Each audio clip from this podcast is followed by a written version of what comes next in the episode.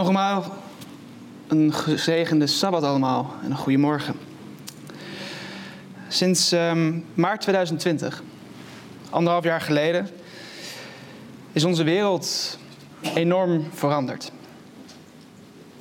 Wereldwijd zijn miljoenen mensen gestorven als gevolg van het coronavirus. Om te voorkomen dat er nog meer mensen ziek zouden worden of zouden sterven, hebben regeringen wereldwijd diverse maatregelen ingevoerd. En veel van die maatregelen die raakten onze vrijheden. Sommige maar een beetje. Bijvoorbeeld dat je niet zonder een mondkapje naar de winkel mocht. In sommige landen mag dat nog steeds niet. Dat je niet zomaar een restaurant binnenkomt, maar eerst moest reserveren. Maar andere maatregelen grepen dieper in onze vrijheden. Grenzen, Europa al twintig jaar vreemd, werden opeens weer zichtbaar in, in, ons continent. Doordat je niet zomaar zonder een test of een vaccinatiebewijs of zonder quarantaine naar een ander land mocht. En voor sommige landen gelden die regels nog steeds. Een tijd hebben we zelfs in Nederland voor het eerst sinds de Tweede Wereldoorlog een avondklok gehad. Plotseling stond het niemand meer vrij om s'avonds over straat te gaan als je dat wilde. Maar was je tijdelijk een gevangene in je eigen huis. En vrijheden die nooit ter discussie stonden de afgelopen jaren, zoals de vrijheid van godsdienst en vergadering, stonden opeens onder druk. De coronacrisis heeft ons niet alleen laten zien dat onze wereld veel minder maakbaar is dan we denken, maar heeft ons ook laten zien hoe waardevol vrijheid is. En weliswaar werden deze vrijheden uit noodzaak beperkt tijdens een ongekende crisis. Maar dat betekent niet dat het soms niet moeilijk was. En als samenleving hebben we denk ik geleerd dat vrijheid onbetaalbaar is. Van onschatbare waarde. Maar tegelijkertijd mogen we denk ik ook niet te veel klagen. Hoewel onze vrijheden zijn beperkt en soms nog steeds beperkt zijn, zijn we in essentie nog steeds vrije mensen. Mensen die vrij zijn om onze eigen keuzes te maken, ten goede of ten kwade. Mensen die onze eigen toekomst kunnen bepalen. Die zelf kunnen kiezen waar ze naar school gaan. Waar ze gaan studeren, wat ze gaan studeren. Wat ze willen worden. Wat voor werk ze willen doen. Op wie ze verliefd worden. Met wie ze een gezin willen stichten. En God zij dank zijn we nog steeds vrij om God te aanbidden op de manier waarvan wij geloven dat die de juiste is. En vrij om over Zijn waarheid te spreken. Maar voor een groot deel van de geschiedenis bestonden deze basale vrijheden voor een groep mensen niet. Zij konden zelf niet kiezen waar ze gingen, waar ze gingen of ze stonden, voor wie ze werkten of met wie ze trouwden. Ze konden zelf niet kiezen hoe ze hun eigen schepper aanbaden. Voor de miljoenen mensen die door de eeuwen heen van de mensheid tot slaaf waren gemaakt, was vrijheid niet een recht, maar een verre droom. Iemands anders eigendom, volstrekt onvrij. Een van de bloedigste oorlogen uit de moderne geschiedenis ging om de vraag of slavernij ooit nog toegestaan mocht worden. Of dat ieder mens als schepsel van God volstrekt vrij en gelijk aan ieder ander mens wordt geboren. Tijdens de Amerikaanse burgeroorlog stond de vraag centraal of de Verenigde Staten de belofte waar konden maken waarmee hun grondleggers dit land van vrijheid hadden gesticht. We hold these truths to be self evident that all men are created equal, that they are endowed by their Creator with certain unalienable rights, that among these are life, liberty and the pursuit of happiness. De vertaling staat op het scherm. De grondleggers van de Verenigde Staten achten het vanzelfsprekend, boven elke discussie verheven, dat ieder mens gelijk is geschapen. Dat ieder mens van zijn schepper onvervreembare rechten heeft gekregen, die niemand hem kan afnemen. Waaronder in ieder geval het recht om te leven, om vrij te zijn, geluk na te jagen. En tijdens de Amerikaanse burgeroorlog, een van de bloedigste oorlogen uit onze moderne wereldgeschiedenis, stond deze vraag centraal. Of vrijheid wel zo vanzelfsprekend was. Of andere mensen niet gelijker waren dan anderen. Of dit recht om vrij te zijn niet alleen gold voor de witte man, maar ook voor de bruine of donkere man. En tijdens deze broederoorlog stonden het noorden, dat streefde naar vrijheid voor alle slaven, en het zuiden, dat de slavernij wilde behouden, tegenover elkaar op het slagveld. En onder de leiding van General Robert E. Lee leek het zuiden in 1863 de oorlog te gaan winnen. De slaveneigenaren leken op het punt te staan de Verenigde Staten te beheersen. Robert E. Lee leidde zijn troepen succesvol door de veldslagen heen, tot hij uiteindelijk zelfs de noordelijke staten binnendrong. Slaven die naar het noorden waren gevlucht voor hun vrijheid, hoorden nu hoe de legers van hun oude meesters steeds dichterbij kwamen. In een klein stadje met de naam Gettysburg, in de noordelijke staat Pennsylvania, niet ver van Washington, D.C., kwamen de legers tegenover elkaar te staan. En op 1 juli 1863 barstte de strijd los. Drie dagen lang werd er hevig gevochten rondom Gettysburg. En beide partijen leken te beseffen dat deze slag echt ging om alles of niets. En tijdens die drie dagen stierven duizenden soldaten op het slagveld. Tienduizenden raakten gewond of vermist. Het was de bloedigste slag van deze oorlog. Maar die slag bleek een omkeerpunt. De zuidelijke legers werden gedwongen om zich terug te trekken en zouden uiteindelijk de oorlog verliezen. De slag bij Gettysburg was het begin van het einde van de Amerikaanse burgeroorlog en daarmee het einde van slavernij in Amerika. Een paar, maanden na de slag bij Gettysburg besloten de federale overheid en de burgers van Gettysburg om de gevallen soldaten te eren met een speciale begraafplaats. En deze begraafplaats werd op 19 november 1863, twee of drie maanden na de slag, ingewijd met een speciale ceremonie. En op dat moment was de oorlog nog volop bezig. Het main event zou een 2,5 uur lange speech zijn van de bekende predikant uit die tijd, Edward Everett. En als je denkt dat sommige tweede uur lang duren, 2,5 uur lang durende speech was blijkbaar in die tijd normaal. En op het bijprogramma stond een kleine toespraak, dedication remarks, een paar opmerkingen van de Amerikaanse president, Abraham Lincoln. Nadat Edward Everett zijn speech van 2,5 uur had gegeven, was het de beurt aan de president, die een paar opmerkingen zou plaatsen bij deze gebeurtenis. Zijn speech duurde ongeveer twee minuten. Niet heel veel langer. Het waren in totaal niet meer dan 274 woorden. Iets meer dan een half A4'tje. Maar in tegenstelling tot de veel te lange speech van Everett, is de speech van Lincoln een van de meest belangrijke speeches geworden in de geschiedenis van de Amerikaanse politiek. De Gettysburg Address. Ik wil hem graag met jullie delen. Hij sprak de volgende woorden. 87 jaar geleden brachten onze vader op dit continent een nieuwe natie voort. Ontstaan in vrijheid en toegewijd aan het beginsel dat alle mensen als gelijken zijn geschapen. Nu zijn we verwikkeld in een grote burgeroorlog, die beproeft of deze natie, of elke natie zo ontstaan en toegewijd, lang stand kan houden. We zijn bijeen op een groot slagveld van die oorlog. Wij zijn gekomen om een deel van dat veld toe te wijden als laatste rustplaats voor hen die hier hun leven schaven, opdat deze natie mocht leven. En het is volkomen gepast en juist dat wij dit doen. Maar in ruimere zin kunnen wij deze grond niet toewijden, kunnen wij haar niet zegenen, bij haar niet heiligen. De dappere mannen, overlevenden en gesneuvelden die hier streden, hebben haar gewijd ver boven onze armzalige macht daaraan toe of af te doen. De wereld zal amper opmerken nog lang onthouden wat wij hier zeggen. Maar ze kan nooit vergeten wat zij hier deden. Het is veel eer aan ons, de levenden, om hier toegewijd te zijn aan het onvoltooide werk dat zij, die hier vochten, tot nu toe zo nobel hebben bespoedigd. Het is veel eer aan ons om hier toegewijd te zijn aan de grote taak die voor ons overblijft. Dat wij deze geëerde doden een versterkte passie kunnen putten voor het doel waarvoor zij het laatste grootste offer van toewijding gaven. Dat wij hier zeer vastbesloten zijn dat deze doden niet vergeefs zullen zijn gestorven. Dat in deze natie onder God een nieuwe vrijheid zal opleven. En dat de regering van het volk, door het volk, voor het volk, niet van de aarde zal vergaan. Met deze korte speech maakte Lincoln duidelijk dat vrijheid niet vanzelfsprekend is. Hoewel het wel dat zou moeten zijn.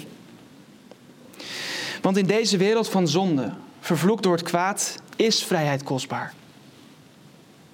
Vrijheid heeft een prijs. En dat is het onderwerp dat ik met jullie vandaag wil bespreken. De prijs van onze vrijheid.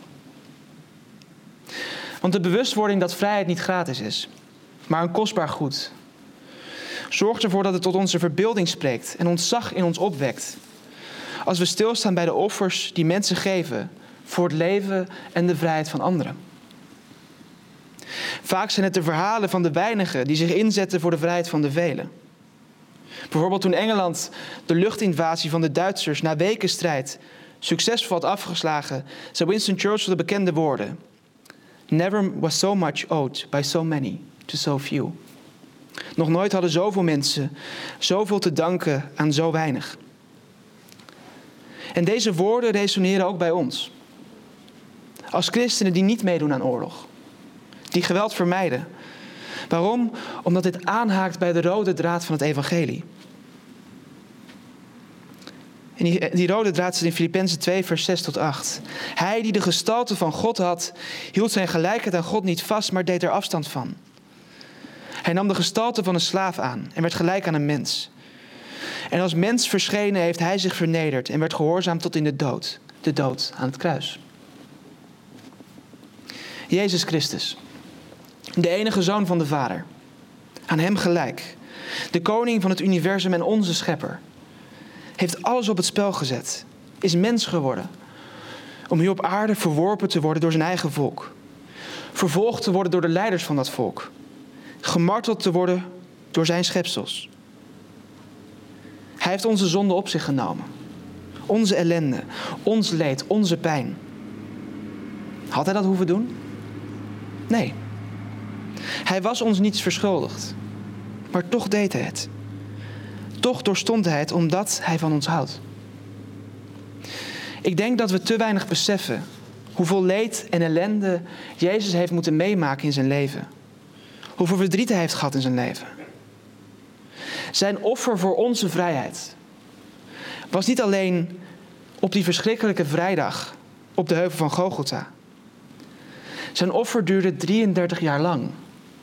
De 33 jaar dat hij hier op aarde rondliep. En ik wil samen met jullie een van de krachtigste profetieën uit de Bijbel bestuderen over het leed van de Messias. En het is veel tekst, dat weet ik. Maar we gaan het opknippen in stukjes. Eerst lees ik het helemaal. Jezaja 53, vers 1 tot 12. Wie heeft onze prediking geloofd? En aan wie is de arm van de Heer geopenbaard? Want hij is als een lood opgeschoten voor zijn aangezicht, als een wortel uit de dorre aarde. Gestalte of glorie had hij niet. Als wij hem aanzagen, was er geen gedaante dat wij hem begeerd zouden hebben. Hij was veracht, de onwaardigste onder de mensen, een man van smarten, bekend met ziekte en als iemand voor wie men het gezicht verbergt. Hij was veracht en wij hebben hem niet geacht. Voorwaar, onze ziekte heeft hij op zich genomen, onze smarten heeft hij gedragen. Wij hielden hem echter voor een geplaagde, door God geslagen en verdrukt. Maar hij is om onze vertredingen verwond. Om onze gerechtigheden, ongerechtigheden is hij verbrijzeld. De straf die ons de vrede aanbrengt was op hem. En door zijn striemen is er voor ons genezing gekomen. Wij dwaalden alle als schapen, we keerden ieder naar onze eigen weg. Maar de Heer heeft de ongerechtigheid van ons allen op hem doen neerkomen. Toen betaling geëist werd, werd hij verdrukt. Maar hij deed zijn mond niet open. Als een lam werd hij ter slachting geleid, als een schaap dat stom is voor zijn scheerders. Zo deed hij zijn mond niet open.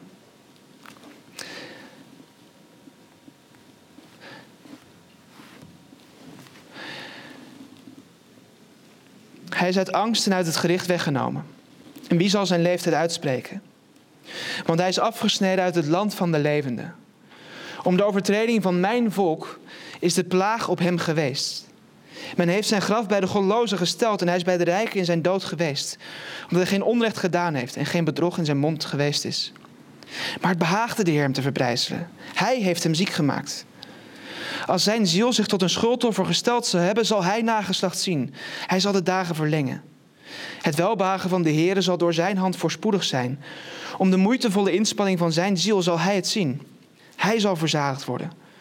Door de kennis van hem zal de rechtvaardige mijn knecht vele rechtvaardig maken, want hij zal hun ongerechtigheden dragen. Daarom zal ik hem veel toedelen en machtiger zal hij verdelen als buit, omdat hij zijn ziel heeft uitgestort in de dood.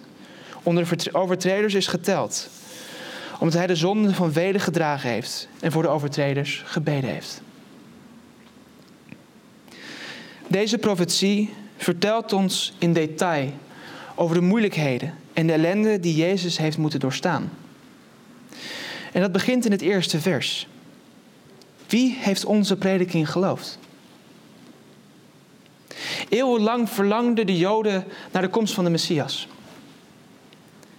Maar niet naar het lam dat ter slachting werd geleid.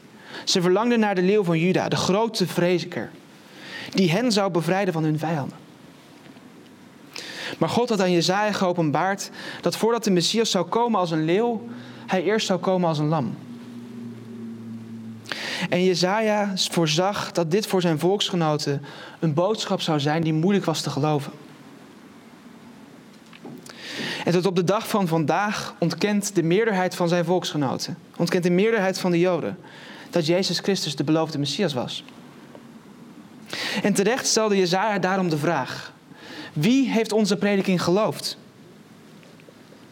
Maar toch was het de vervulling van Gods plan, de openbaring van zijn arm, zoals Jezaja zegt.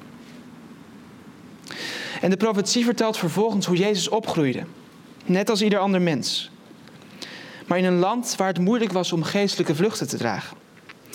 Hij schrijft, hij is als een lood opgeschoten voor Gods aangezicht, als een wortel uit dorre aarde. Hij groeide op in Nazareth, beroemd en berucht in het land als een stad waar veel kwaad was. Dorre aarde. Waar moeilijk vruchten uit voortkomen. En in zijn jeugd had Jezus veel strijd en moeite te ondergaan. En de tekst gaat verder. Gestalte of glorie had hij niet. Als wij hem aanzagen, was er geen gedaante dat wij hem begeerd zouden hebben. Jezus zag eruit als een gewone man. Aan de buitenkant was er niets bijzonders aan hem. Was er niks wat mensen tot hem aantrok. Maar dat niet alleen. Niet alleen was er niks bijzonders aan hem te zien van buiten. Dan begint het leed. Hij was veracht. De onwaardigste onder de mensen. Een man van smarten. Bekend met ziekte. Als iemand voor wie je je gezicht verbergt. Hij was veracht en wij hebben hem niet geacht. Zijn hele leven lang wist Jezus wat het betekende om gepest te worden. Belachelijk te worden gemaakt. Door mensen niet te worden geaccepteerd. De Bijbel noemt hem een man van smarten. Hij kende veel verdriet. En misschien maak jij vandaag wel hetzelfde mee.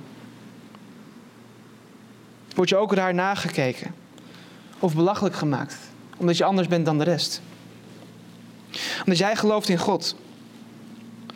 Omdat je je anders kleedt. Niet zoals de wereld.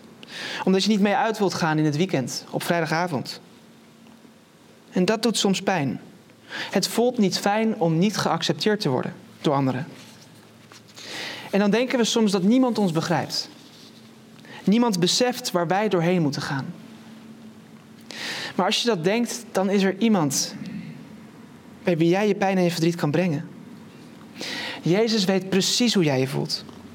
Want hij heeft precies hetzelfde meegemaakt. Hij werd veracht. Ook hij werd belachelijk gemaakt. Ook hij werd niet geaccepteerd om wie hij was. Hij kan het zich niet alleen voorstellen.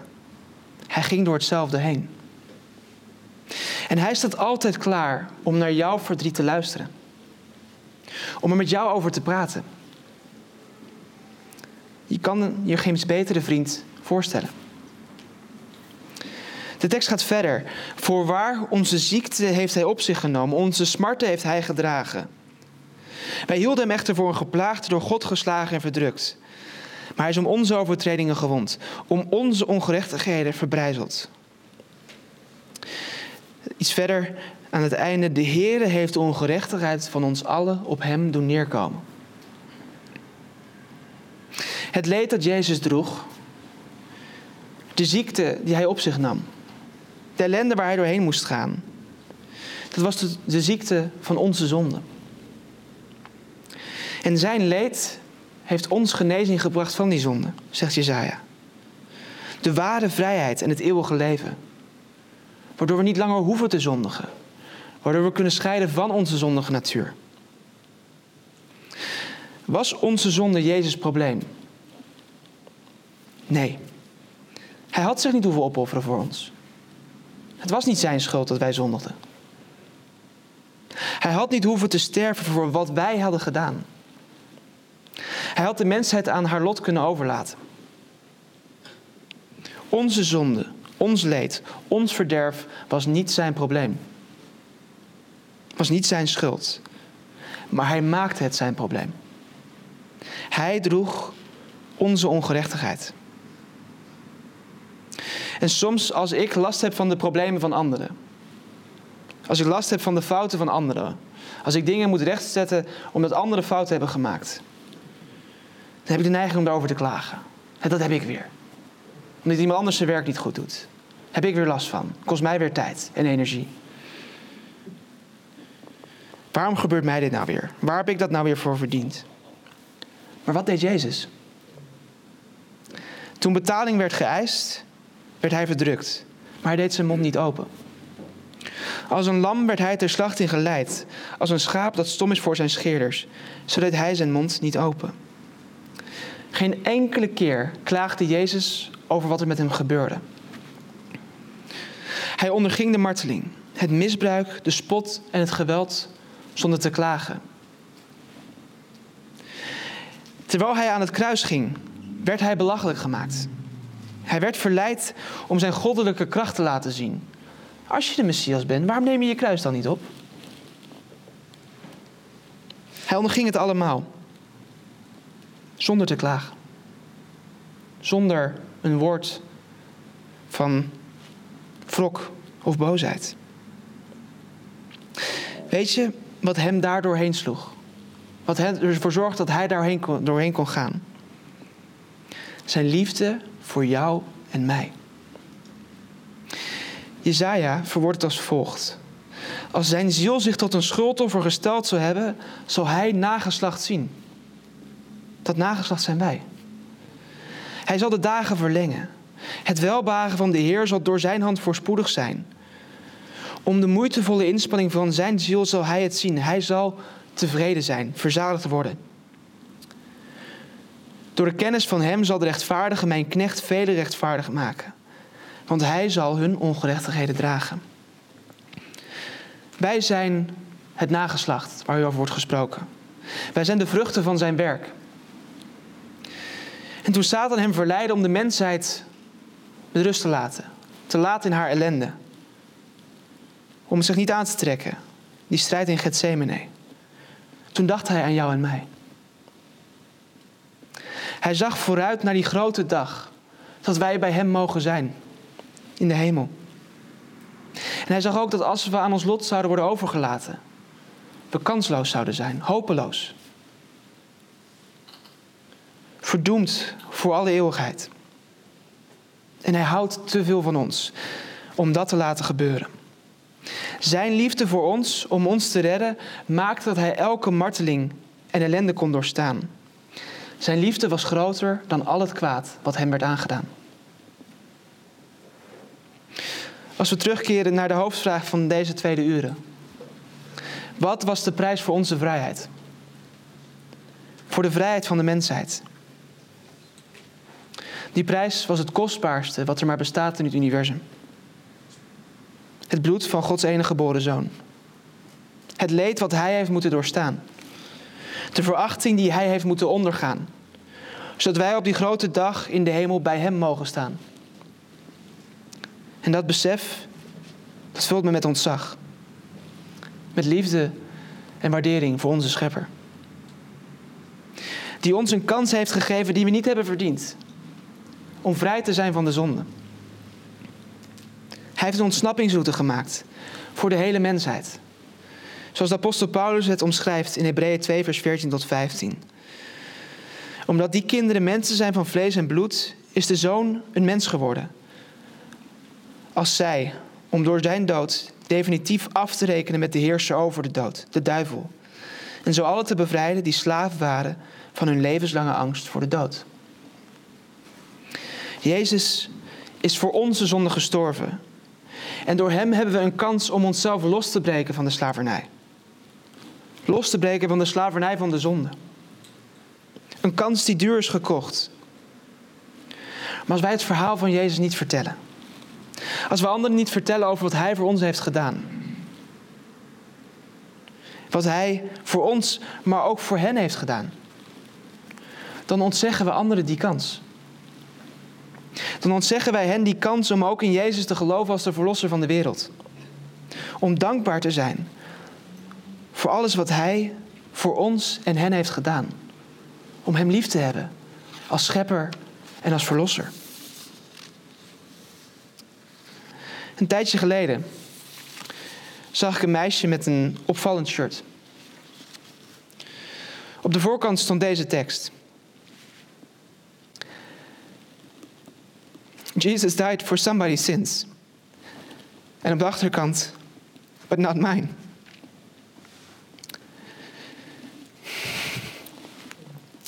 Dezelfde tekst als dit t-shirt. En toen ik dat zag, deed dat me zoveel pijn. Het is, ja, nog steeds. Het raakt me echt. En ik hoop dat zij de ernst niet begreep van wat er op haar t-shirt stond. Dat het niet goed was doordacht. Want de waarheid is dat Jezus ook voor haar zon is gestorven. Amen. Zijn aanbod staat open voor iedereen. Maar hij dringt zich niet aan. Hij dwingt niemand om het te nemen. Hij laat mensen vrij om te kiezen. Iedereen biedt hij aan om vrij te worden van de zonde. Hij heeft de prijs voor iedereen betaald. Maar de keuze om gered te worden, die laat hij vrij. Die ligt altijd bij ons. Ik nader aan het einde van deze tweede uren. Ik begon vanmorgen met het verhaal over de slag bij Gettysburg. De speech die Abraham Lincoln gaf om de soldaten te herdenken die daar waren gestorven. Lincoln zei dat de woorden die hij sprak vergeten zouden worden. Maar niet de offers die de gesneuvelde soldaten hadden gebracht. Hij had deels gelijk en hij had deels ongelijk. De woorden die hij daar sprak zijn nooit vergeten. En zo ook niet de mannen die bij Gettysburg hun leven gaven. Voor de vrijheid van anderen. Tot op de dag van vandaag worden deze mannen elk jaar nog steeds herdacht bij Gettysburg. Tijdens een officiële herdenkingsdag. En ik verafschuw oorlog en geweld. Het is niet goed om dat te verheerlijken. God haat het ook. Maar het is wel goed om oorlog en de mensen die zijn gevallen te herdenken. Om een stap terug te zetten en na te denken wat vrijheid betekent. Om te beseffen hoe vreselijk oorlog is. Hoe vreselijk onvrijheid is. En te beseffen waarom de belofte van hemelse vrede voor alle eeuwigheid zo waardevol is, zo kostbaar. Waarom de belofte van vrijheid die Jezus ons geeft zo ongelooflijk mooi is. Wie herdenkt, vergeet niet.